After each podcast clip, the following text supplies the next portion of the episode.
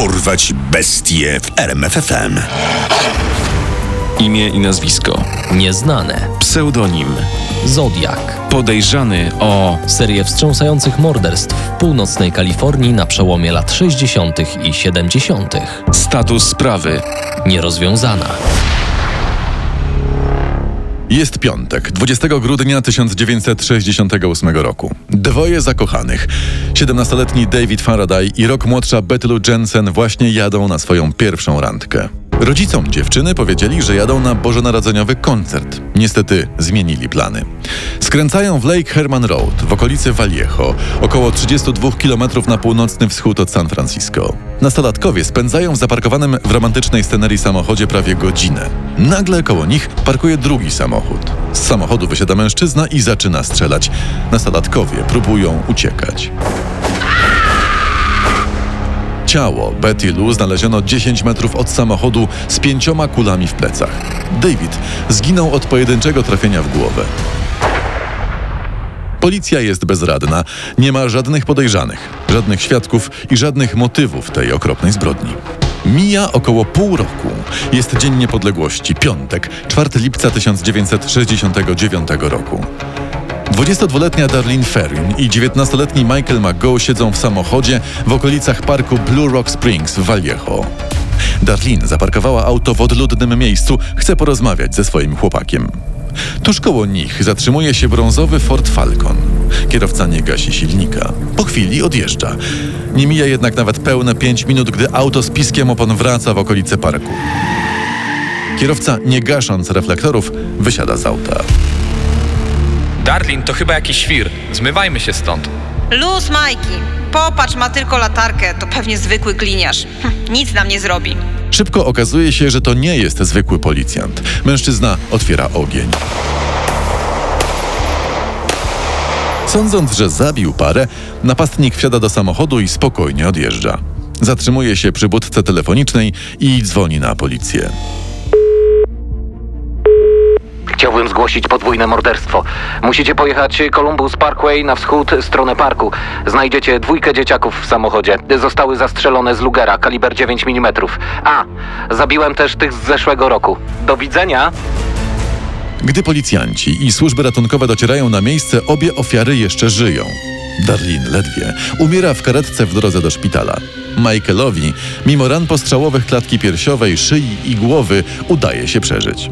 Potrafi też opisać wygląd napastnika policji. Był młody, około 26-30 lat, dość otyły, na oko 90 kg, może nawet więcej. Jakieś 1,70 m wzrostu, biały, miał krótkie, kręcone brązowe włosy. Mimo rysopisu śledczy nie mają w zasadzie żadnych tropów prowadzących do sprawcy. Niespotykana i lekko przerażająca jest też pewność siebie zbrodniarza, który sam zgłasza swoje morderstwa. Niedługo później okazuje się, że morderca ma ogromne pragnienie bycia w centrum uwagi zarówno policji, jak i mediów. Do redakcji trzech lokalnych gazet wysyła trzy tajemnicze listy. W każdym z nich opisuje swoje dotychczasowe morderstwa. Każda z gazet dostaje też inną część zaszyfrowanej wiadomości. W listach znajduje się również groźba. W razie nieopublikowania jego szyfrów na pierwszych stronach każdej z gazet, morderca ruszy w trwający cały weekend morderczy szał i zabije 12 osób. Oprócz groźby znajdujemy też obietnicę. Jedna z zaszyfrowanych wiadomości ma zawierać wskazówki co do tożsamości zabójcy. Sprawca podpisał się specyficznym symbolem okręgiem przekreślonym pionowym krzyżem. Symbol ten jest logo znanego szwajcarskiego producenta zegarków firmy Zodiac. Stąd zresztą późniejszy pseudonim mordercy. Redaktorzy Examiner, Chronicle i Times Herald nie chcieli mieć na sumieniu kolejnych ofiar mordercy, dlatego zdecydowali się spełnić jego żądania i opublikowali zaszyfrowane wiadomości. Listy przekazali również organom ścigania. Ani policjanci, ani eksperci od kryptografii z FBI nie byli jednak w stanie złamać szyfru Zodiaka. Ale już w kilka dni po opublikowaniu udało się to pewnemu nauczycielowi i jego żonie. Państwo Harden uwielbiali łamigłówki, spędzili nad wiadomościami od Zodiaka cały weekend i złamali szyfr. Zabójca ma narcystyczną osobowość, lubi zwracać na siebie uwagę. Zatem pierwszym słowem będzie I, czyli ja. To niezły trop. Poza tym lubi zabijać. Słowo kill ma dwa L na końcu. Poszukajmy podwójnych symboli na końcu wyrazów i załóżmy, że to podwójne L. Opierając się na tych spostrzeżeniach, małżeństwo rozszyfrowało całą wiadomość mordercy. Niestety nie skrywała ona sekretu jego tożsamości. Oferowała za to wgląd w jego skrzywiony umysł. Lubię zabijać ludzi, bo to doskonała zabawa. To lepsze niż polowanie na dzikie zwierzęta w lesie. W końcu człowiek jest najniebezpieczniejszym ze zwierząt. Polowanie na ludzi jest niezwykle ekscytujące. Tak zaczyna się niebezpieczna gra Zodiaka z mediami i z policją. Wysyła on do gazet kolejne zaszyfrowane listy i ponownie grozi, że jeżeli nie zostaną opublikowane, znów zacznie zabijać. Żadnej z późniejszych wiadomości nie udało się rozszyfrować w tak jednoznaczny sposób. Zodiak atakuje ponownie 27 września 1969 roku. Tym razem jego celem jest para studentów, która urządziła sobie piknik nad jeziorem w kalifornijskiej Napa. Nie dość, że morderca zmienia okolice swoich przestępstw, to zmienia także schemat działania. Napastnik podchodzi do pary i udaje napad. Twierdzi, że uciekł z więzienia, zabił strażnika, a teraz musi ukraść ich samochód. Dziewczynie, Cecily Shepard każe związać swojego towarzysza, Briana Hartnella. Potem podchodzi do pary, związuje Cecylię, poprawia więzy na Brianie i mówi. A teraz będę musiał was zabić. Wyciąga wielki nóż i wielokrotnie rani swoje ofiary. Następnie podchodzi do samochodu i na karoserii wycina daty swoich poprzednich morderstw łącznie z tym dokonanym przed chwilą i podpisuje się swoim symbolem.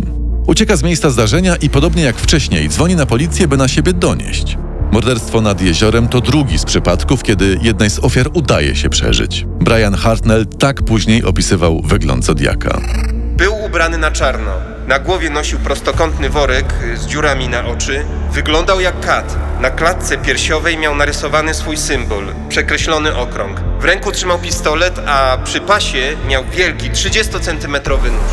Około dwóch tygodni później następuje kolejny atak. Tym razem Zodiak nie wybiera spokojnego miejsca. Atakuje w samym centrum San Francisco. Jego ofiarą jest taksówkarz, Paul Stein. Świadkami morderstwa była trójka nastolatków, która niezwłocznie powiadamia policję. Jednak i tym razem morderca miał umknąć policji. Wszystko przez błąd dyspozytora. Do wszystkich jednostek poszukiwany czarny mężczyzna powiązany z atakiem na taksówkarza na rogu Mason i Gary. Mimo, że policjanci widzieli mężczyznę pasującego do wcześniejszych rysopisów Zodiaka, nie zatrzymali go. Końcu centrala kazała im szukać czarnoskórego mężczyzny.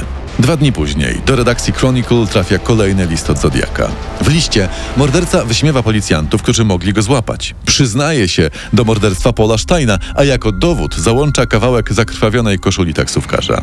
Grozi także, że jego kolejnym celem może być szkolny autobus pełen dzieci. 22 marca 1970 roku porywa Kathleen Jones i jej córkę. Młodej matce na szczęście udaje się zbiec razem z dzieckiem. Zodiak zasypuje redakcję Chronicle kolejnymi listami, za każdym razem grożąc, że zabije, jeżeli nie zostaną opublikowane.